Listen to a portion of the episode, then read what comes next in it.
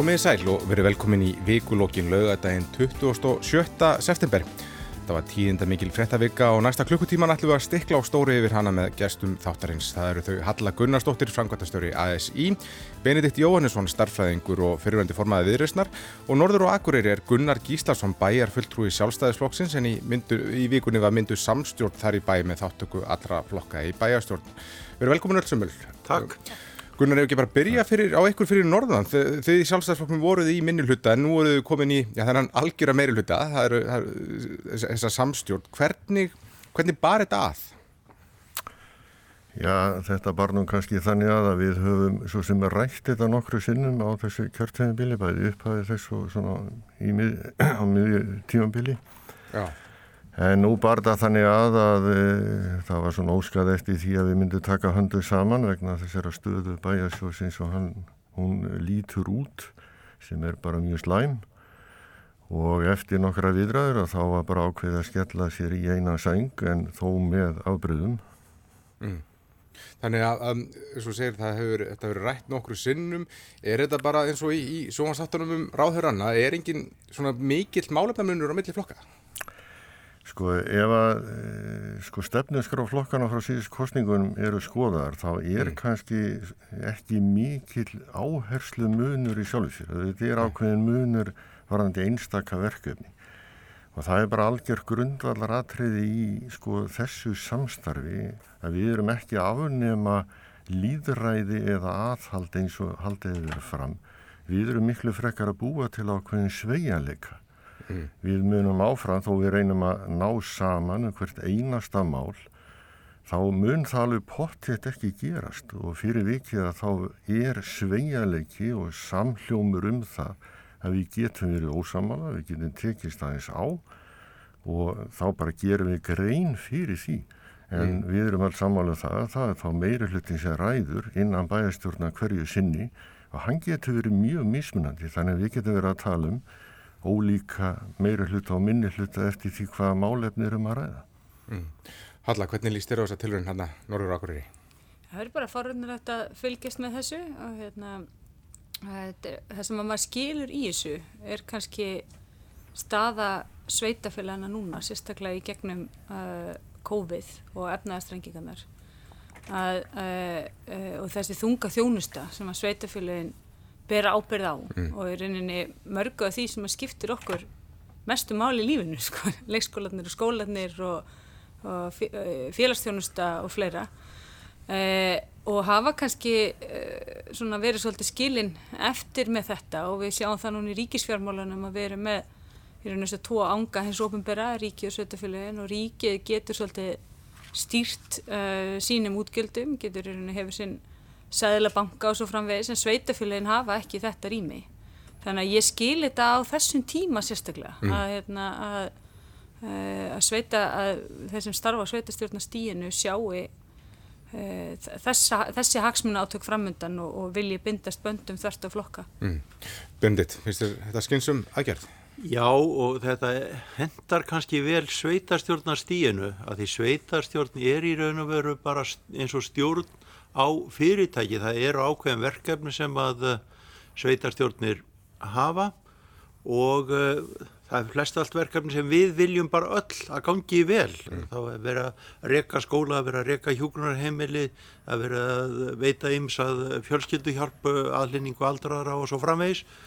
Eh, það er ekki þessi sama pólitíka eins og er í landsmálunum.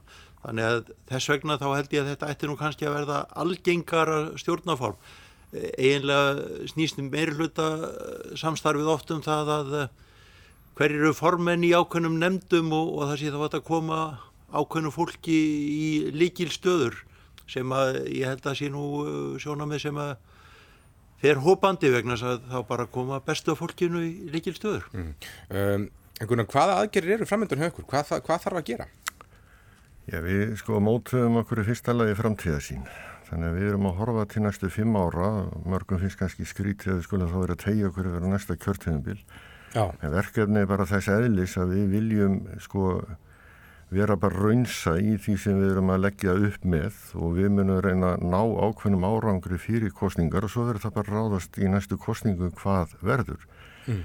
En framtíðasínin byggir ekki bara á því að, að gera bæjasjóð sjálfbæran. Ver, bæjasjóð verður að vera sjálfbær. Við mm. getum ekki sko reiki hérna ósjálfbæran bæjasjóð í mörg ár. Þá enda bara sveitafélag heljar þröm. En á, á sama tíma þá fyrir ekki bara í einhverja aðhalsækjari. Við þurfum líka að byggja upp atfinnu. Við þurfum að auka tekjur og við viljum halda sko til streitu þessari ásýnd akkurabæðir að það sé gott að búa, gott að lifa og það sé góð þjónusta. Mm. Þannig að við þurfum að móta okkar tilugur mjög vandlega og það er það sem, það verkefni er núna framöndan og við munum ekki fara út í neitt nema að hafa grannskoðað eh, afleiðingar ákvarðan okkar fram og aftur. Mm. Heldur að vera ekki svo litið hort til ykkar já, bara af öðrum sveitarstjórnum að, að það veri lítið og eitthvað mögulega sem einhvers konar fordæmi fyrir önnur sveitafélag? Ég vona það, sko, ég var nú sjálfur ótviti í Solbástrændarheppi hérna á síðastu áratu, síðastu, síðastu aldar. Það er náttúrulega bara persónukostning, menn eru kostnir inn og síðan bara byrja menn að vinna. Það er þannig að svo sem fær flest atkvæðin, hann er yfirlega settur í ótvitasætið eitthvað í þáveruna Það er alveg rétt sem Bendit bendi á áðan að, að þetta kannski snýst að hluta til um embætta skipan en það sem við erum að leggja upp með núna er það að, að dreifa aðtikli fjölmil og annara á málaflokkana eftir því bara hver stýri málaflokkna. Þannig að mm. bæjastjóri er ekki að svara fyrir allt heldur ábyrðar aðilið þess málaflokk sem er hverju sinni. Mm. Það geta verið, þannig ætlum við að reyna að ná því fram að allir flokkar fái svona eða fulltrú á flokkana fái svona nokkuð jafna aðtikli inn í málefni. Mm. Um, hún, eins og nefndi Benedikt að þá hentar þetta kannski betur á sveitarstofnarstíðinu heldur en í, í landsmálunum. En er, það er stundum í umræðinu kallað eftir aukinni samstöðunni aukinni samstöðu meiri breytt og samt erum uh, flokkum að fjölga og þau vera smærri. En það kallar vantarlega á Uh, að fleiri koma til dæmis að því að mynda maður og skoða, skoðanakannanir í þessari viku og já, með af þeim að dæma þá eru erfitt að mynda þryggjaflokka ríkistótt næst sko, það getur þurft að þurft fjóra eða fimm flokka. Já, það er nú kannski helst að lækningi við því er þá að reyna að styrkja þessa litlu flokka þannig að þeir verði nógu stóri til þess að geta myndað uh, færri flokka ríkistjórnir sko í ástandi eins og en núna þá held ég hendi mjög vel að margir komi að og ég held að ríkistjórnir eigi að gera það menn hef, við hefðum átt að gera það í hrununu á sínu tíma mm. sem því miður var ekki gert og, og ég held að það hefur vorið verri afleggingar fyrir vikið og við hefðum átt að gera það núna þegar COVID veran fór að grassera. Hefur bara viljað sjá stjóðstjórnuna eða? Já, eða minnst að kosti svona náið samráð með eh, öllum flokkum. Já. Ég held að það, það voru allir tilbúinir að bretta upp ermar, eh, leggja sitt á voðarskálanar og uh, ég held að það hefur verið óskynsanlegt að nýta það ekki. Þetta er bara vá sem er yngum að kenna, það er ekki hægt að segja benda á einhvern eitt flokk sem að ég gerði þetta þetta bara dinur yfir okkur og þá verðum við að reyna að leysa þetta saman og ég held að það sé farsalt við slíkar aðstæður mm. en auðvitað almennt eh, eiga menn að vera með meiri og minni hluta og er að koma þannig er það dæla um, um svona grundvallaratri mm. og uh, það eðlilega þá eru það kjósendur sem að velja meiri og minni hluta og uh, sé, það, það er alveg rétt hjá þér það er ekkit mjög gott að það verði tíu flokkar á alltingi kannski það væri betra stjórnafarslega að það væru færri og stærri flokkar mm. en það verður þá að vera réttu flokkarnir mm. Já, svo má, má, má ég stjórn má það er sinni í þetta hjá, hjá Bindi sko. Það segir að kjósendur velji meira minni hluta, ég sé nú ekki alveg hvernig það gerist, þannig að kjósendur velja flokka. Og síðan er stundum myndaður meira hluti sem þýðir það einhver lendur í minni hluta sem er ekkit endilega í samræmi úslitt kostninga eða það, það trend sem skapast í kostningunum. Mm, hann er kannski sá flokkur sem bæti hvað mest þessi í kostningum, hann lendur kannski utan ja, í, í minni hluta. Já, að ég samt ekki það nú ekki að kjósendur sé að velja þetta form þannig lagað.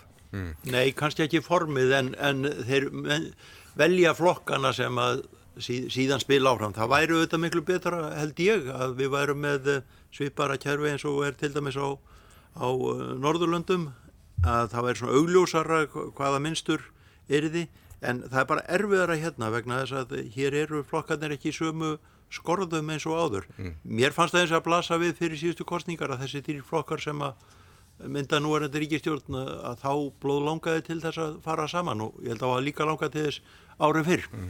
Uh, Halla, á þessum tímum hefði verið, bara þegar COVID kom upp fyrir þessu ári, hefði verið já, nærtakara að fara í meira samráð, stækka jafnvel ríkistjórnuna eða búa til einhvers konar stærri samráðsvett ánkaldur um gert hefur verið, eins og Benedikt var nefna.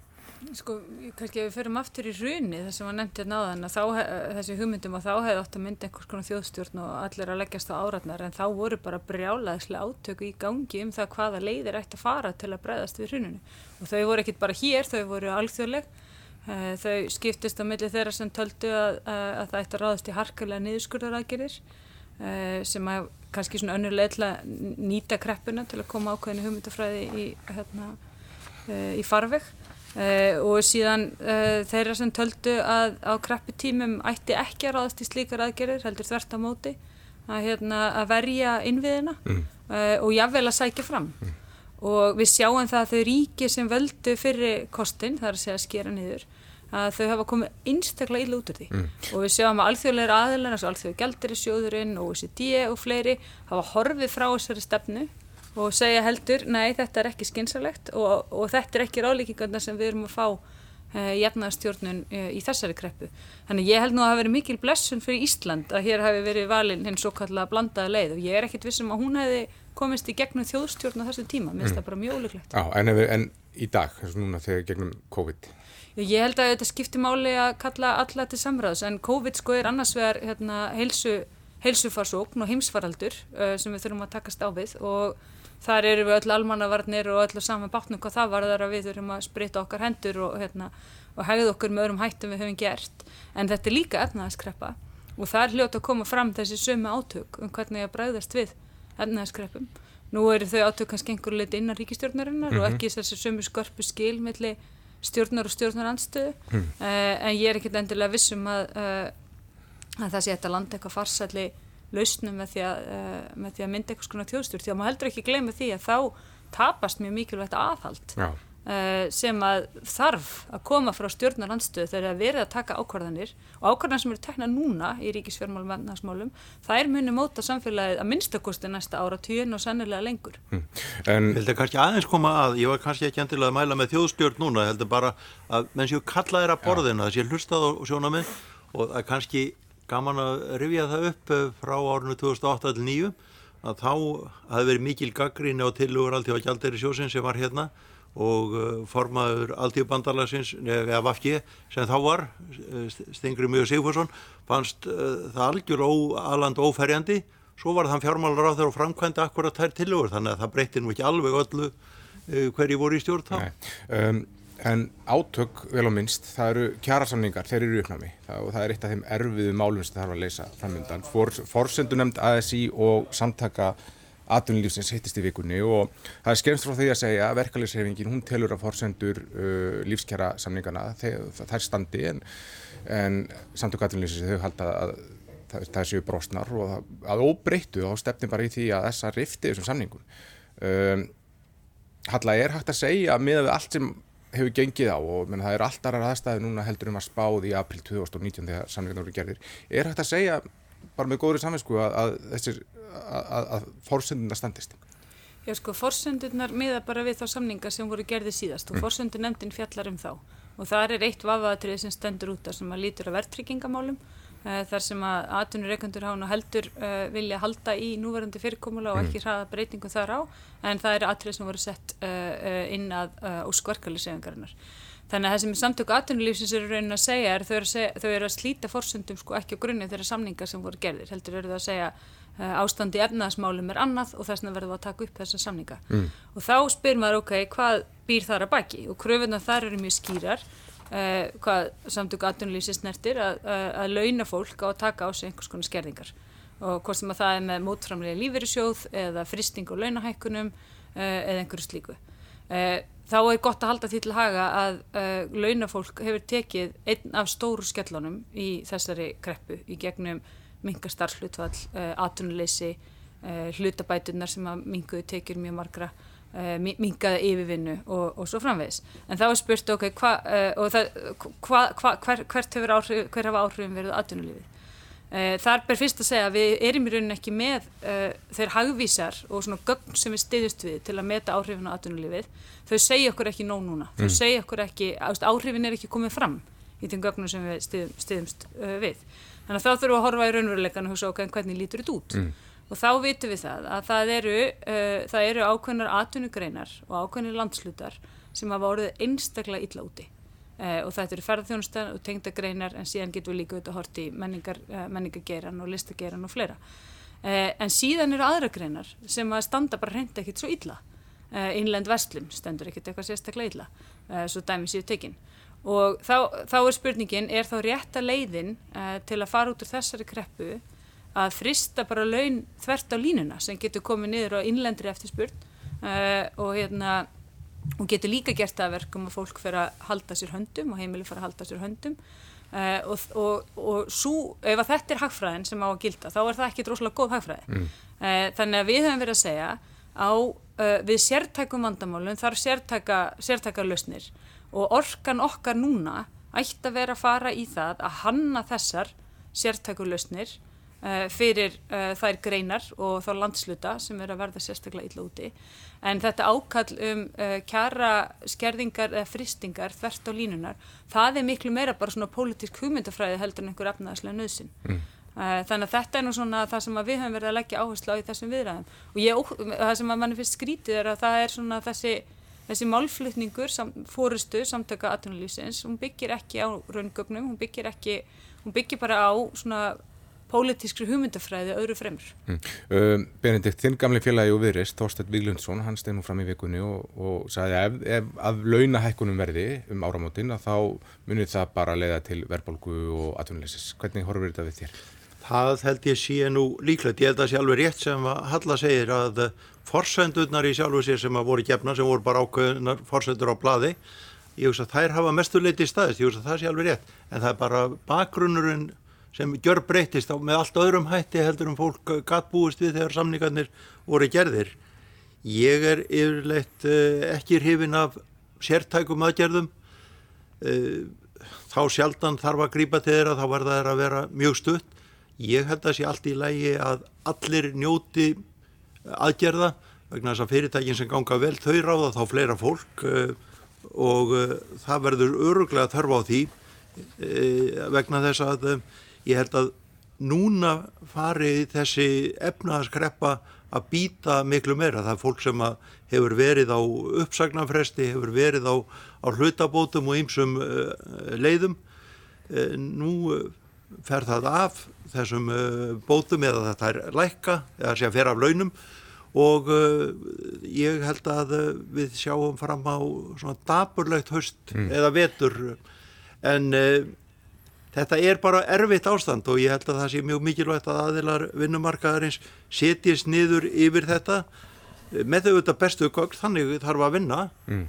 en eh, ég held að við getum ekki látið eins og ekki það við gerst. Það hefur mikið gerst. En, en heldur þú, eins og Ragnar Þór Ingólfsson nefndi í gær að, að það dregu þá vantarlega úr þessum neyslu dreifna hafvegastir sem, sem við erum reyna að kalla eftir ef, ef, ef, ef eh, launahækkanir eru fristar Já, ég eh, sko tekjur fyrirtækja, jafnvel fyrirtækja sem hafa gengið, sem hafa ekki lendi í þessari kreppu af fullum krafti en þá, e, þær er ekkit að aukast. Við erum að sjá allar útflutningsgreinar eru í vanda, álverð, ja, eftirspiln eftir áli er bara sára lítill, fiskmarkaðir eru ekki góðir og ferðarþjónustan er bara í nulli Þannig að við erum að sjá ímsað eh, þessum undirlíkjandi þáttum uh, uh, hafa orðið fyrir stóráfalli. Það er ekki komið við öll fyrirtæki en þá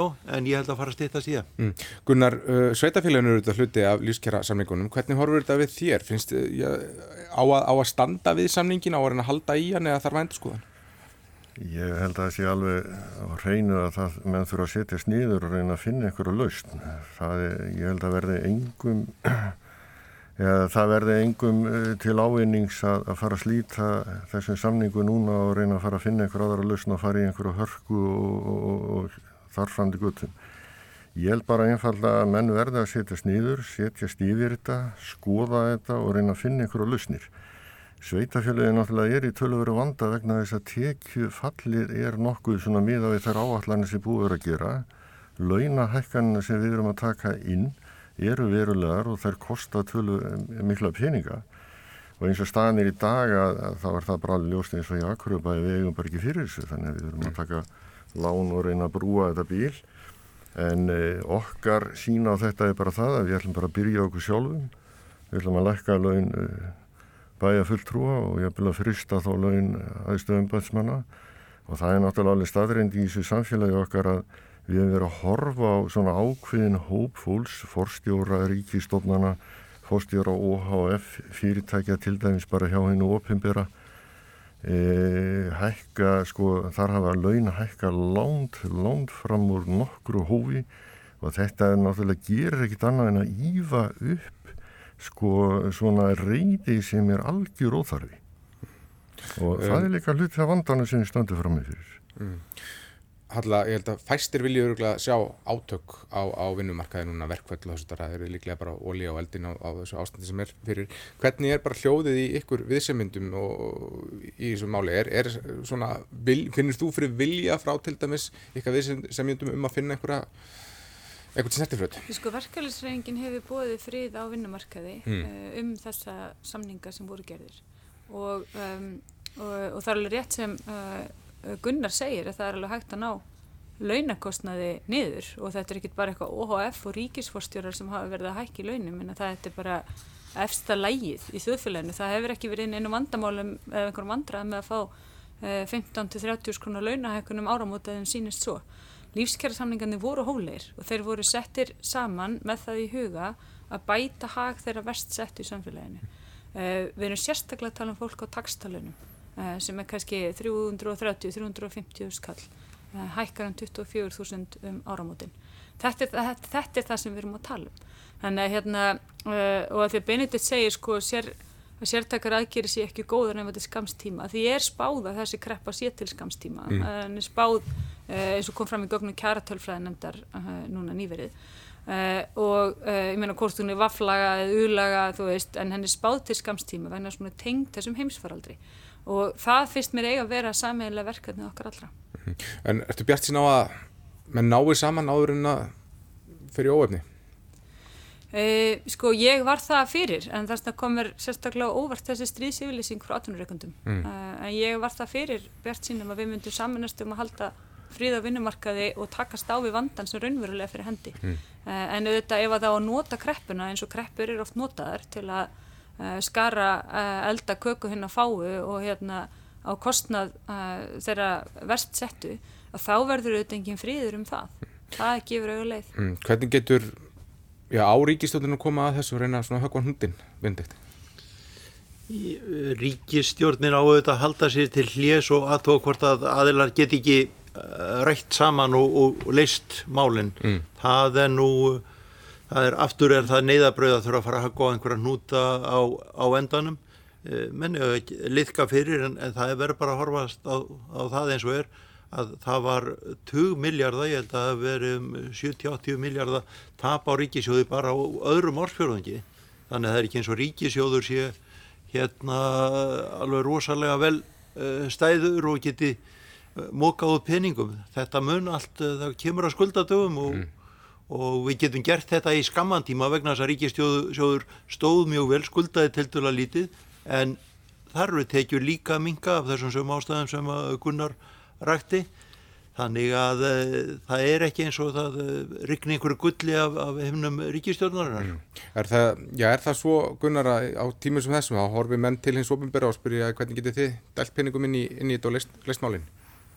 Já, já, það, sko, það er náttúrulega margir sem halda að peningarnir vaksi á trjám hjá sveitafélagum og ríki en þessi peningar náttúrulega verða ekki tilnum gegnum atfinnu starfsemi og, og skatta sem að hérna, fá skrittir og náttúrulega ef að þeir lækka þá náttúrulega hardnar á dalinu þar.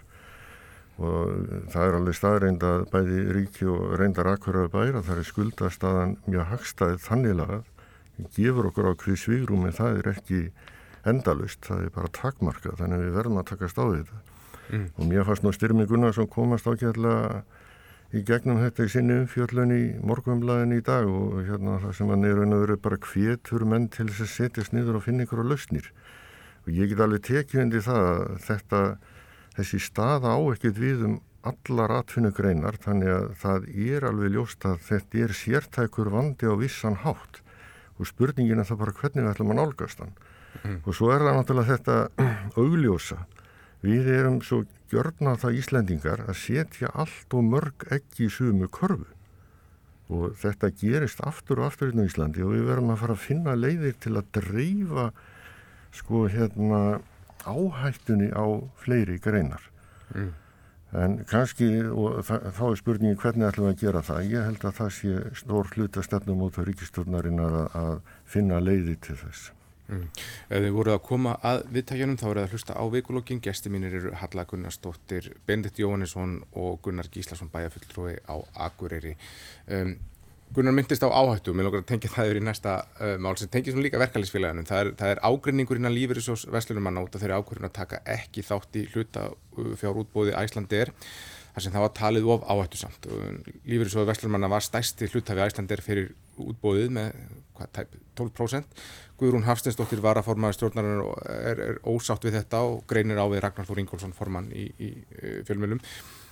Bendit, er, er verjandi fyrir lífeyrissjóði að fjárfesta í fyrirtæki eins og Æsland er það sem óvissan er svona mikil? E, ég ber mikla verðingu fyrir því að menn e, vegi og meti þessa kosti. Það er það sem stjórnir lífeyrissjóða eiga að gera og uh, það er mikil áhætta, ég held allir viðkenni það. Jáfnframt getur verið í þessu mikil arsemi ef, ef að það fær vel. Mm -hmm.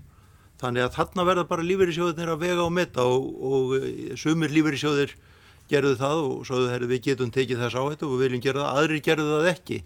Það sem mér finnst nú einlega standa samt, já niður úr má segja, það er umvæli Ragnars um Guðrúnu þegar hann segir að hún hefur farið að snúa sér aftur af ískjærð. Mm -hmm. Ef einhver maður sem væri tekin alvarlega að segja þetta þá þýrt hann að segja af sér uh, því ennbætti sem hann gengdi. Mm. Það er ekki við hæfi að formaður stærsta verkefælisfélagslandsins tali svona niður til hvenna sem að lefa sér að hafa skoðan. Mm. Halla? Uh, já, mér hefði þundist mjög óæðilegt ef að lífverðisöðun hefði ekki einhvern hátt verið klopnur í afstöðsunu til fjárfestinga í Æslandir. Uh, því að þetta, það er alveg uh, augljóst og þetta er áhættur sem fjárfesting og hérna og það hefur náttúrulega verið óbúrslega ekstra vandræði á félaginu um tíma þannig að mér finnst mjög óverlegt að það hef ekki verið mismunandi, mismunandi skoðanir mm. og, uh, og mér finnst alveg eðlilegt að fólk hafi á þessu skoðanir hvort sem að það eru er fórustu fólki verkefælisfélögum eða uh, fyrir atunurreikundum eða hvar annar staðar og ég held bara að þessi umræða sé margt góð, veist, þetta eru eftirleina sjóður okkar allra veist, það er, hefur fólk sterkar tilfinningar til þeirra og hérna Uh, og á mikið undir mm. í, í þeim, þannig að ég bara eða minnst þessi þjóðfélagsumræða góð og mm. gott að koma upp samfélagsumræða um þetta mm. Hvað segir um þessi ummali hans, hans uh, Ragnar Stórsíkar Guðrunar, tókst þessu sem, sem var hann að tala niður til hvenna? Já, náttúrulega þetta líta á þetta með tönnum hætti sko, þetta er annars vegar svona Karl sem tala svona til konu að síðan er þetta líka uh, verkeflis fórustumæður í verkeflisfélagi að, að tala svona til þeirra sem hafa staðið vörðum hagsmunni auðvaldsins mm. uh, og mér finnst þetta ekki sérstaklega heppileg umæli, ég myndi ekki við það var svona umæli sjálf en þau eru kannski bara líka lýsandi fyrir þessi harkalu átök sem eiga sér hérna stað inn í lífverðisjóði Vestlunumanna mm. Gunnar, hvernig, já, hvernig horfur þetta þau þér? Hefðu þú, ég vilja sjá lífverðisjóðin taka þátt í hlutafjár útbóðinu eða? Ég held að það verði nú bara hver stjórna taka ákvarðinu sjálf en hins vegar fannst mm. mér aðteglisvert hversu margir svona almenni borgar að tóku þátt í þessu hlutafjörútbóði og, og lögðu sitt á óðarskálanum sem þýðir það að þeir telja mikilvægt að þetta félag standi og verði áfram virt á þessu markaði. Eins og það finnst mér þessi umræðu hefð sem er í kringum svona máli þetta að fara hjóli mannin fyrir hverju málefni alveg glötuð. Ég voru orðaða þannig. Og það er kannski það sem er að pólitíkin oft þegar að menn er að stökva í mannin stöðugt í staðist að takast á um málefni á málefnalegan hátt. Mm. En þetta, þetta er afstætt og ég meina þau tóku bara þessi ákvörðun og þau eru bara að standa við hana og hún er þeirra. Ég ætla ekki að fara að gera sitt út á hana.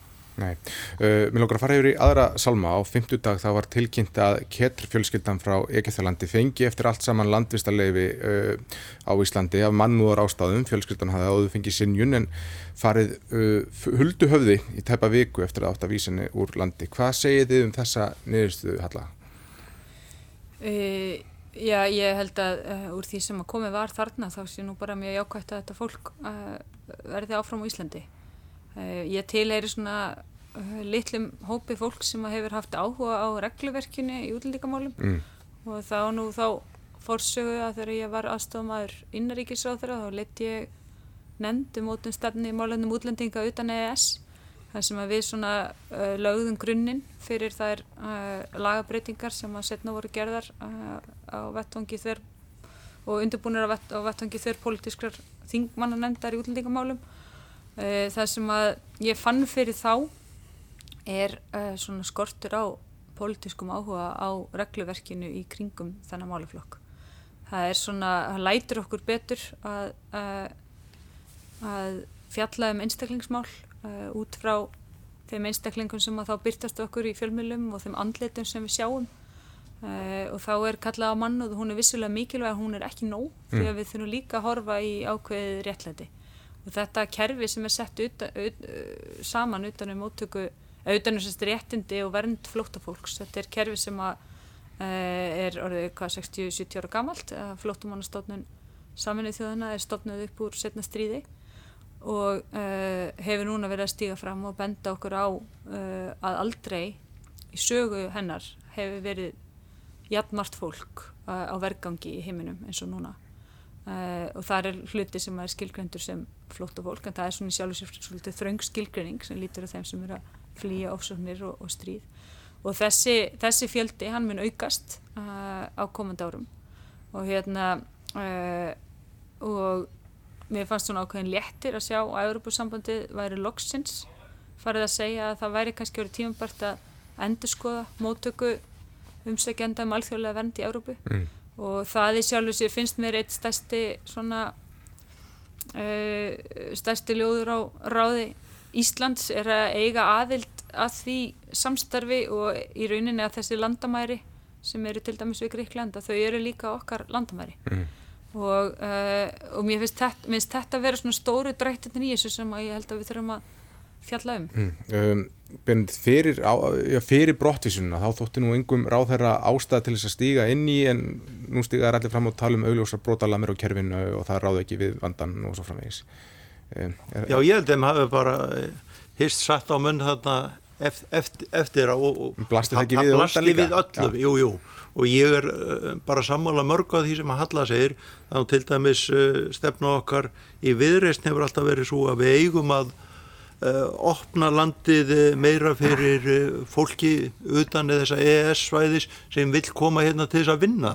Við eigum að horfa á þetta miklu jákvæðari augum, við erum ekki að horfa á eitthvað fólk eh, sem er að koma hérna sem eitthvað bónbjarga fólk, heldur fólk sem að verður hérna nýtir þegnar og okkar samfélag verður allt saman uh, ríkara fyrir vikið og uh, þá skiptir það mjög engu máli hvort að fólk kemur frá Egiptalandi eða, eða Kína eða Danmarku. Það er bara allir leggist á áraðnar og síðan hort á það með, með sama hætti hitt er hann að mála. Auðvitað meðan þetta er ekki svona þá verðum við auðvitað að hafa skýra reglur. Ég held að útlendingarlögjöfin síðan mörguleit ágætt þetta eru lögjöf sem við minnir að óttar proppi hafi litt uh, á endanum. Og uh, það er afar ómannúðlegt ef að uh, umsókn tefst í mörg ár. Mm. það einlega gengur ekki upp og það er allir sammála því. Mm. En finnst þið samfærandi að, að menn hafi alltaf komist að annari niðurstöðu núna fyrir af öðrum ástæðum en það að það var orðið bara, þetta var orðið að stóri fjölmjölamann Ég átta mig reyndar ekkit á því ég Eh, ég er nú svo einfaldi, ég trúi því alltaf að menn sé að reyna að taka rétta niðurstöðu með við þær fórsöndur sem mm. að þeir sjá mm. saman hvað þeir eru statir Þetta eru náttúrulega eins ólíkar umræður sko. það er annars vegar um þá sem að hinga vilja koma til að lifa og starfa og svo þeirra sem er að flýja uh, og uh, hópurinn sem er uh, að flýja ofbeldi og ofsóknir, hann á rétt á vernd mm. þetta er ekkit eitthvað svona ákvörðin sem við eigum bara taka svona hvort okkur finnst að veist, þessi, eða hinn geti mögulega nýst hér sem einhver þegn heldur er þetta bara alþjóðlega skuldbendingar sem við uh, berum gagvart þessum hópi fólks mm. og ég held að skipti þetta aldrei miklu máli að fjalla um þetta með þessum hætti að við skiljum, hana, skiljum munin sko. mm. uh, og uh, hæliskerfið, eða þetta umsónu kerfum alþjóðlega vernd það á ekkert endilega virka sem einhver svona yngangur til að koma og sækja um vinnu sko. og hérna, en við, þú veist, en ég er eins og að sammála því að Veist að uh, við þurfum að horfa inn í allt kerfið og við þurfum að huga þessum fjölskyldusammeningum og bara heimildum fólks til að setjast hér að og ef við skoðum þetta í svona sögulegu ljósi þá fyrir svona einni öld og rúmri, rúmri það að þá var ástað fólksflutninga svo og fólk var að leita sér að betra lífi mm.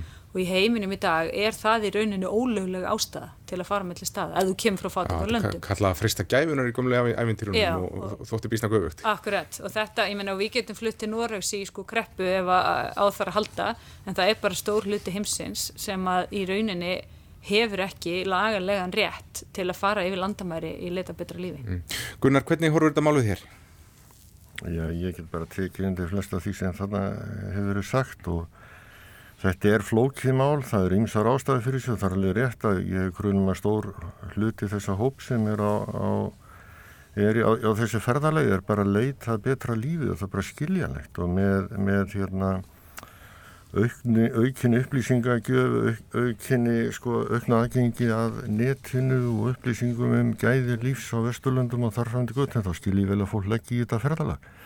Hins vegar er, er regluverki hérna kannski þyrrt að vera bara skýrara ef við annar borðið erum ákveðin í því að, að, að velja fólkilann inn í landið þá verðum við bara að gera það með skilvirkum hætti og það er náttúrulega alveg út úr korti að vera með fjölskyldur hér staðsettar alltaf í tvö ár með börn sem er búin að aðlæðast til lífi og tengjast böndun og alltaf svo að fara að skutla þeim út úr landinu. Það, það er ekki mannúð í því. Það er alveg að reyna Mm.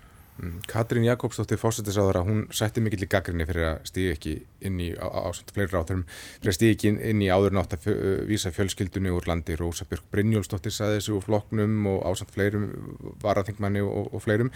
Halla þú varst þar til nýlega ráðgjafi Katrínar í, í jafnbrettismálum Varst þú fyrir vonbröðu með hanna eða er ósangjert að gera þessa kröfu til ráðherra stígin í svona mál? Sko þetta er rosalega snú, þetta er rosalega snúin umræða. Þegar ég tók við þessu málaflokki aðna 2010-11 að þá leituðu við út um, leituðum til allra svona alþjóðleira aðila sem fjallum þessi mál og fenguð til dæmis flóttamannastofnun saminuð þjóðinu hendl Íslands og segðum bara hvað, hvað eigum við að gera rétt og e, hvað eigum við að gera til að gera hlutina rétt og eitt af því sem þau sögðu var setjið á laggirnar úrskurðanemnd í þessu málaflokki. Þetta á ekki að vera inn í ráðuneyti. E, þegar ég hef búið til réttláta málsmeðferð þar sem að allir njóta sömu réttinda. Og þetta, þetta var krafan. Uh, síðan máli spyrja sko eiga uh, þú veist, er það kannski svolítið svona kafkísk leið sko til að díla við þennan málaflokk og veist, það er bara eitthvað kerfi hérna, það er kallt og það er ekki að grípa inn í og það er ekki að ekki eitthvað mata aðstæður eða eitthvað slíkt. Uh, inn í laugin var skrifað umtalsvist rými fyrir útlendingastofnun og reynda kærnend útlendingamála til að leggja mata á einstaklingsbundar aðstæður. Mm -hmm. og ég veit alveg að þau gera það mjög oft Uh, veitingum, verndarveitingum hefur fjölgað mjög mikið frá því að þessi lög voru sett. Það voru sett inn í, sett inn í lögin viðbútavernd sem að lækkar aðeins frá skulduna til að fá vernd inn í landið. Uh, og við höfum séð sko að uh, á bara 15 árum fyrir við úr þú veist einni veitingu á ári í sko einhver hundruð mm. ef, að, ef að mér er ekki að skjáttlast í, í tölfræðinni. Þannig að sko mér finnst þessar kerfisbreytingar vera það sem við eigum að halda fókusnum á Uh, síðan auðvitað varpa einstaklingsmálinn ljósi á uh, gallana og kostina. Og ég get alveg, þú veist, mér getur alveg fundist að Katrin Jakobsdóttir hafði einhverju tímapunkti sín stjórnmála fyrir að setja sér betur inn í þennan málaflokk og keira hann eitthvað betur áfram. En það sama á bara við um ofbóðslega marga í stjórnmálum. Mm. uh, að á, áhugin kemur þegar það eru einhver svona mál sem að ræti fjölmjöla sem er skiljanlegt en orkan á líka að fara inn í reglverkið og ég fjallum það. Mm. Og það má alveg segja að þessi ríkistjórn hafi ekki gert uh, nóg þar. Hún hefur gert tilrönd með að setja svona þingmannanemndi niður og ég satt nú í einnig slíkri í, í smá tíma. Uh, það fyrirkomulega hefur ekki virkað, kannski vegna þess að við erum ekkert með skýrar hugmyndur um hvert við viljum fara með það. Og mér finnst þetta að vera aðkallandi verkefni fyrir stjórnmálinn. Bara hvernig, hvernig ætli þið að mæta þessari umræði hérna í samfélaginu, hvernig ætli að mæta aðstæðan þess fólk sem að hinga kemur í gegnum, uh, gegnum regluverkið. Mm. Um, Frettaskýringa þáttur um kveikur fjallaði í fyrradag um hugsanleg lögbrót Eimskipafélagsins sem eiga hafa nota millilið til að komast hjá evrópskun reglum um förgun tveggja skipa og láti farga þeim á sandströnd á Indlandi þar sem unni er við ómannúðlegar og stórhættulegar aðstæður. Umhverfistofnun hefur kært Eimskip til hérasaksóknara og lífur í sjóður sem eiga í Eimskipi hafa óskæfti skýringum en Eimskipafélagi það hafnar ásökunum um lögbrott. Benedikt, þú varst nú einu svoni stjórnaformaður í, í Eimskip fyrir, fyrir já. Já, það býst það langt síðan. Já, en, en, hvernig svona, já, þú hefur vantilega síðan að þátt. Þetta slær mig ítla þetta mál. E, nú skulum við samt hafa alltaf þann fyrirvara, við veitum ekki nákvæmlega hvort að þetta eru lögbrott og svo framins, mm -hmm. en það að vera búa til einhverja milliliði eh, að eh, komast fram hjá reglum með eh, einhverjum krókaleðum það er snertir mig mjög illa. Það er eiginlega alveg gagstætt þessu grundvallarsjóna meði um gagsægi heiðarleika sem á að vera ekkit bara í stjórnmálum á að vera í viðskiptum og rekstri. Og að stærstu félögu í Íslands séu að reyna að fara fram hjá þessu með þessum hætti það eh, er eh, algjörlega uh, óviðunandi sko nú eru kröfunar að orðna líka miklu miklu meiri og menn eiga að setja sig betur inn í málinn við vitum miklu meira um, í, í umhverfismálum og svo framvegis þarna eh, sínist mér, ég að miða við eh, niðurstöðunar sem þarna eru, að það er taka menn eh, skamtíma hagnað fram yfir það að vera svona góðir heimsborgarar. Mm. Halla? Ég er þetta ekki svolítið bara að saga hins svona nattvæta kapitalisma líka sko, að hérna, þú veist, þar sem að það gengur allt út á að reyna uh, flytja uh, mengun og, hérna, og vondan aðbúnað uh, til þróunalandana og, uh, og þarna, þú veist, hefur Evrópa og reynda bandarækinn líka, reynda að setja sér ákveðna reglur og viðmið uh, sem að hafa síðan verið hannaðar leiðir til að komast hjá. Og uh, ég hef nú búin að vera að lesa mér hans til um aðstæðar þessa verkafólk sem að vinnur þarna við, við þessi skip, við skipa niður við á Indlandi. Og það þarf nú ekki nema bara að lesa sér til bara í þrjármínundur á internetinu til að komast á því að maður vilja ekki taka þátt í þessu. Fólk sem að tapar oft heilsunni, jáfnveg lífinu vinnur við hræðilegar aðstæður í kringum óbúslega eituröfni fyrir eitthvað í kringum svona 50 kall á tíman og hérna fjarrri fjölskyldu sinni og, og svo framvegis og glýmir svo kannski við heilsufarslegar afleðingar alla æfi út af uh, eituröfnunum sem þarna eru meðhundlið mm -hmm. en síðan er það hitt sem lítur umhverfsmálunum að við hljótum nú að vera að fara detta á þann stað að skilja að ef við hendum spillefnum í sjóin við innlandstrendur að þá hafi það ekki bara áhrif á lífríki þar sko, heldur á okkur skólar og land hérna Já, og, hérna, og þetta svona, og ég veit, veit alveg þú veist, þessi fristing til að líta á svona við og hinnir og og fólki þarna það getur bara að díla við þetta, en við skulum hafa hreint loft hér og, og svo framvegis að við hljótu nú að vera að komast á uh, þann stað að skilja aðeins betur gangvirki uh, plánutunar okkar mm. til að, uh, til að uh, svona losna út úr þessari hugmynd mm. Gunnar, hvernig var þér við að sjá hana þátt? Já, sko þetta náttúrulega vekur upp hugsanir og ég get alveg tekið undir það að það, þetta svona vakti upp ímynd sem að maður vildi kannski ekkit endilega hafa fyrir augunum þarna eh, á Índlandi og það er alveg fóralegt við hvers konar aðstæður margir gerða að búa að búa og hvers konar, hvers konar þjáningar þeir upplifa í gegnum ímislega sem við erum að leggja á þá með einum öðrum hætti. Hins vegar finnst mér sko pælinginni þessu kannski snúast líka daldi um það að, að þetta eru vísbendingar um að þarna sé farið fram hjá okkurnu reglu sem að menn eiga náttúrulega virða og ég vil þá bara gefa mönnum tækifæri til þess að svara fyrir það. Mér fyrst orðið daldi mikið um það að það er að varpa út hérna málum, uh, stórum málum um, um sekt uh, ákveðina fyrirtækja eða einstaklinga í gegnum ákveðina frittamila og domstól Guðtunar raun og vera bara búin að taka ákvörðinu það að þarna séum við bara sekjur og hreinir glæpaminn og jafnvel pólitíkusar farnir að nota þetta í pólitískum tilgangi til að rýfa nýður og e, skona heiðarleika fólks og annara stjórnmálamanna sem ég finnst alveg út úr kortinu. Menn hljóta að vera saklausir um sekti sönnuð. Mm. og það er í raun og veru að mér finnst bara umræði efni í annan þátt En, en er ekki segja það. En, er, er einhvern rángfæslum haldið fram með það? Ég veit það ekki.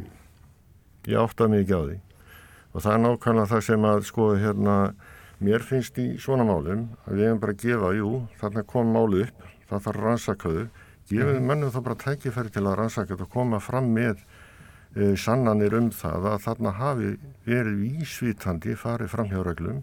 Ef svo er, þá verða menn að taka afleggingunum af því bara eins og í öllu Já, nú hefur umhverfistofnun kert, uh, kert máli til hér að saksóknara og lífeyrisjóður er á óskæfti skýringum, það hlýtur nú að vera fréttnæmt í sjálfu sér. Já, það er sjálfsagt að, að sko nefna þetta í fréttum. Ég er ekkert að segja það, en ég er bara að velta þessu hvernig svo við fylgjum fréttunum eftir. Mm. Og ég er bara áhyggjur að því hvernig fólk er að tækla þetta við að sko taka þetta bara sem heilaða sannleika áður en það er búið að sína endalega fram á sekt í málinn. Mm. Þannig ég er ekki að verja þetta alveg af og frá, ég er bara að velta hérna upp uh, pælingunni um það hvernig við setjum hlutina fram, hvernig við tólkum þá, hvernig við meðtöndlu þá svona í almennri umræðu. Mm. Uh, Mér að koma aftur hingað heim til Íslands uh, nýri hörpu í gær, þar var fyrri, fyrri hluti landsþings viðreysnar haldið, þar var Þorgjörg Katrín Endur kjörinn formaður og Daði Már Kristófersson kjörinn varaformaður og í ljósi ástandsins þá fór allt meira að minna fram á netinu sem er kannski slærkast í tónin fyrir vinnubröð annara flokka í, í vetur. Benedikt, varstu ánæður með hvernig tiltókst? Já, mér fannst það takast eh, bísna vel til. Eh, maður var náttúrulega svo lítið kvíðin vegna þess að það fór uh, fram einlega um land allt má segja, eða þess vegna um allan heim. Að því að hver sem er, er gatt uh, fylgst með þessu, sama hvað hann var. Uh, Þetta er auðvitað öðruvísi og ég uh, get nú ekki sagt að ég voni að þetta verði formið til framtíðar nema þá svona fyrir skemmriðundi. Það er nú bara þannig að það er gagna því að hitta fólk persónlega, það verða umræður og það er líka bara gaman að því.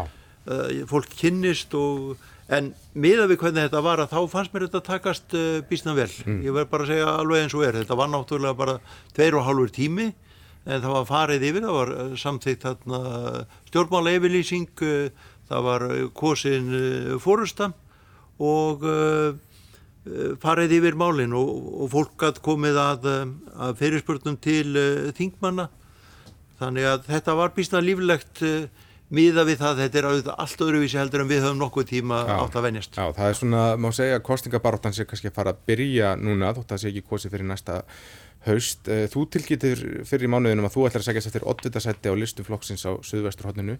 Hvernig sér þú fyrir þér að verði valið á að stilla upp eða verður forvalprófkjör? Það hefur bara ekki verið ákveðið en þá. Nei. Þannig að hvað, við, við, við erum bara að sjá til. Ég, eh, svona for, forval og uppstilning hvortveikja hefur kosti og galla. Mm. Á endanum verðu, verðu, er þetta uh, svona stjórnir félagan á hverjum stað sem um, ákveða þetta það sem hugnast mér nú best er bara við stillum upp eh, sterkum og samstæðum listum um land allt, það er nú aðalatrið og aðalatrið ekki bara fyrir flokkin heldur fyrir þjóðina að það séu gott fólk í frambóði mm. Það er að byrja þessi kostningavetur má, má segja og slærættatónin þessi, þessi, þessi fjárfundur, fjárlandsfundur sem viðreist var heldur þetta verið svona í, í vetur hjá öðrum flokkum? Já, fjarið, það held ég að slá tónun hérna, því, því miður verði ég að segja við erum náma þingið okkar í ASI núna í oktober og þurfum að færa það á, uh, á internetið. Og hérna og þetta er auðvitað mjög sérstakki tímar sko. við, við erum búin að vera að tala hérna um efnaðasmálinn og ríkisfjármálinn þeir sem eru á uh, mjög sérstakkum stað og þú veist, við erum að taka ákvarðinu núna sem við hafa áhrif um, uh, um, lang, um langar hríð. En á sama tíma sko, getur fólk ekki komið saman sko, til að mótmala eða fagna eða mhm. ráða ráðum sínum. Uh, og blessunulega erum við á þeim staði tækninni sem við erum þó á núna uh, að geta að geta hist í mynd og, hérna, og tala saman á þess að það sé mjög snúið sko. En, uh, og þetta finnst mér vera þetta þurfa sko stjórnmálaflokkarnir og almannasamtök og verkefælisreifingin þau þurfa að rýsa svolítið undir þessari ábyrð núna mm. veist, þetta eru, þetta eru rattirnar uh, á meðan fólk getur ekki komið saman og, mm. og látið í sér heyra. En hver, hver heldur þú að verði stóru málinn í, í kostningabaratunni? Bara eh, ef við getum talað um hana vetur sem fyrir sem, sem baratu. Já, ég bara ímynda mér að hérna, vinnumarkaðs og málinn verði mjög stór og ég ímynda mér að hérna, ríkisfjármálinn verði stór mál. Mm -hmm. Og að því að við komum nú líka að þeim hérna eins áðan og það var hér talað um uh, að ríki geti ekki bara safna og safna skuldum. Uh, en, uh, og svolítið svona, svona andi þess að ríkis bókald sé eins og heimilsbókald þar sem bara það þrengir að þá þá bara uh, að minga þetta og skera þetta niður. En það náttúrulega er ekki þannig. Veist, ríkisbókald er bara hérna, í rauninni lítur allt öðrum lögmálum uh, og þá skiptir máli hvernig sæðlabankar hefða sér uh, hvaða ákvarðanir þeir taka, þeir geta tekið ákvarðanir gengi, vakstasteg, peningaprentun lán, lánskjör og svo framvegis og þetta eru stóra ákvarðanar sem ég held að muni hafa áhrif á okkur til framtíðar. Við gætu fengið hérna stjórnmálöf sem segja að nú þarf að loka þessum halla, það er markmiði sjálfu sér á mm -hmm. tveimur, þreimur árum, það myndi eiðilega samfélagið. Uh, eða við gætu fengið stjórnmálöf sem segja að við erum hérna með uh, einstæða kreppu sem við þurfum, og við þurfum bara að taka okkar tíma mm. í að taka stáð við hana. Mm. Og mér finnst að þetta, ég held að þetta verði eitt af, uh, þetta verður kannski ekki endilega stórumáli, það getur vel verið að það tróma einhverjum upp með, þið vitið, Eh, útlendingamál eða einhver populísk mál eða eitthvað sem að kostningabáðan mun snúast um en ég held þess að þetta sé stóra máli sem að markar okkur sem samfélag til framtíðar mm. Gunnar, hvernig þú, sér þú veiturinn uh, framtíðum, hvað verður sett á ottin í, í, í komandi kostningum? Ég held að hljóta að verða viðbröðin við þessari COVID, COVID stuð og það hvernig menn ætla að komast áfram vegin og halda upp í sínst góðu hernaðstígi og góðum kaupmætti hérna á Íslandi til að halda samfélaginu öflugu mm. og hérna ég er bara grunnað það og ég er líka grunnað það að það munir sem er varpað hér fram töfralausnum sem að ég að bjargu öllu og reyna að selja sér út af það og ég hef bara áhyggjur af þessari þróum bara almennt í heiminu þess að menn er að fara í svona populískar populíska hugmyndafræði þar að segja að varpa fram einhverju sem að sko þeir halda falli vel í kramið og útlendingamálinn koma þar inn í líka og það finnst mér bara mýður því að ég mm. held að við verðum með einhverjum hætti að við ætlum að halda líðræðis hefðinni við að þessari grunnhefð að, að takast á við heiminn og málefni með öðrum hætti. Mm. Uh, eitt mál sem er að, að komið rækilega á dagskrá aftur núna, það er nýja stjórnarskráin, það eru 25.000 manns búinir að rúmlega búinir að skrifundir undirskriftarlista þar sem þessi krafist að stjórnarskráin sem kosi var um í, í, í 2012 verði samþygt, verður þetta kostingamál haldiði? Ég held að uh, stóri hlutin sem að uh, vantar nú í það sem að hefur sagt, það þarf að taka auðlindagjöldin til umræðu, það er ekki hægt lengur að Eh, sjáarútus öðlindin sé bara nýtt af örfáum fjölskyldum og það sé ekki borgað eh, markas eða fullt verð fyrir eh, öðlindina og það þarf að gefa vel í efnahagslífið núna. Hvernig tengist þetta stjórnarskráni? Jú, Forstiðsáðara hefur lagt fram tillögu um breytingar og öðlinda ákvæði stjórnarskrárunar þar sem í raun og veru óbreytt ástand er fest það er algjörlega óviðunandi og þetta getur orðið mjög stort mál í, í komandi kostningum en eh, varðandi kói bara því að það kom hérna það á að gefa vel í núna og við höfum að gera það strax og gera um myndalegum hætti mm. fara í arðbæra aðgerðir um land allt mm. sínilegar aðgerðir en líka byggja upp til framtíðar og horfa á frumkvæðla starfsemi og, og, og uh, nýsköpun mm. Hallar með að maður sjálf gera það? Uh, gefa vel í, saði ég það má segja það má deila það hvað, hvað er vel en hallar það er ungt fólk er að láta þessi nýju stjórnarskrona sig varða og heldur þetta verið sett á ottin Já, ég, ég, ég ímynda mér það og ég hef að fara líka kannski aðeins eftir hvað kemur út úr þessari uh, tilraun uh, stjórnmálana til að mm. fástu þessa spurningu sem er mitt leta fórsættisraðan sem kom hérna fram áðan uh, gallin í þessu ferli öllu sem hann var eftir all lág valdi til að breyta stjórnarskrönu hjá alþingi mm -hmm. þannig einhvern veginn, einhvern veginn verður þetta viðfangsefni að rata þar inn Já. því að það, það gerist ekki öðruvísi sko. en það er bara gott að sjá að það er hérna uh, líf í tuskunum í þessum málaflokki Mm. Gunnar verður að taka þetta mál á dagskrá í vetur. Já, ég, ég held að þurfa að taka þessi stjórnanskarán mál og halda áfram að vinna þetta, þetta kvílir á þó einhvern stóru hluta þjóðurinnar og, og sérstaklega þessi vinna sem fór fram hann um árið og menn töldu að hefði bara verið komið aftanaðum eftir heilmikla vinnu við að reyna að koma fram breytingum en hins vegar þá held ég að vera, menn, menn verið bara að stíga þetta í skrefum og taka þetta skipulega en það er alveg morgunljóst að mínum huga að það þarf að taka stjórnarskrána og endur skoðana. Mm. Um, hann er svona að hlaupa frá okkur tíminn, klukkan er að nálgast 12 og ég ætla kannski bara rétt í lókina að spyrja hvað, hvað stendur nú til um helgina hjá okkur, Benedikt, hvernig, hvernig vera í henni? Nú, nú er að fara í sögambústæðin, ég er að fara með ko- ko- konni og, dótturinn og, og, og dæturum hennar, Já. það verður gaman. Já, þú fengið pallaefni í sumar til að, Nei, nei, þetta er nú bústæð bara sem við erum með á, á já. Þannig, þannig að við getum bara, bara notið lífsins. Já, já. Halla, hvern- hvernig er helgin hjá þér? Það er bara að vera svona fjölskyldu helgi sko. ég reynir nú að tilenga helgarnar sem mest bara familíunni og, hérna, og njóta þess að vera með stelpunum minni Já, þannig að uh, við eigum örglega eitthvað eftir að gera eitthvað skemmtilegt um helgina já, getur sett svona, getur svona sett kjara baróttuna aðeins bak við hugan í daga. Já, það er eiginlega rosalega kostur að eiga lítið badd sko, Já. af því að þau svona, uh, þau hjartengja mann Já. þú veist, maður, þú kemur heim og að tala við tæpilega þryggjar og badd sko, að þú getur ekki verið með hausin út um allt sko, þau bara taka aðteglinu Einmitt. og það er ákveðin hugleislega í því. Gunnar, hvernig er helgin hjá þér? Já, ég, ég þarf bara að vinna um helgina, vinna upp Já. tíma sem fór í pólitíkina síðustu helgi og í upphæði þessari viku. Já, þetta kemur allt í Það er bara baki á manni einhver staðar. Já, Kæra þekki, já, einmitt, bara kæra þekki fyrir kominu og hafið það sem allra best um helgina, Benedikt Jóhannesson, Halla Gunnarsdóttir og Gunnar Gíslason, verið þið sæl. Já. Alveg takk. takk.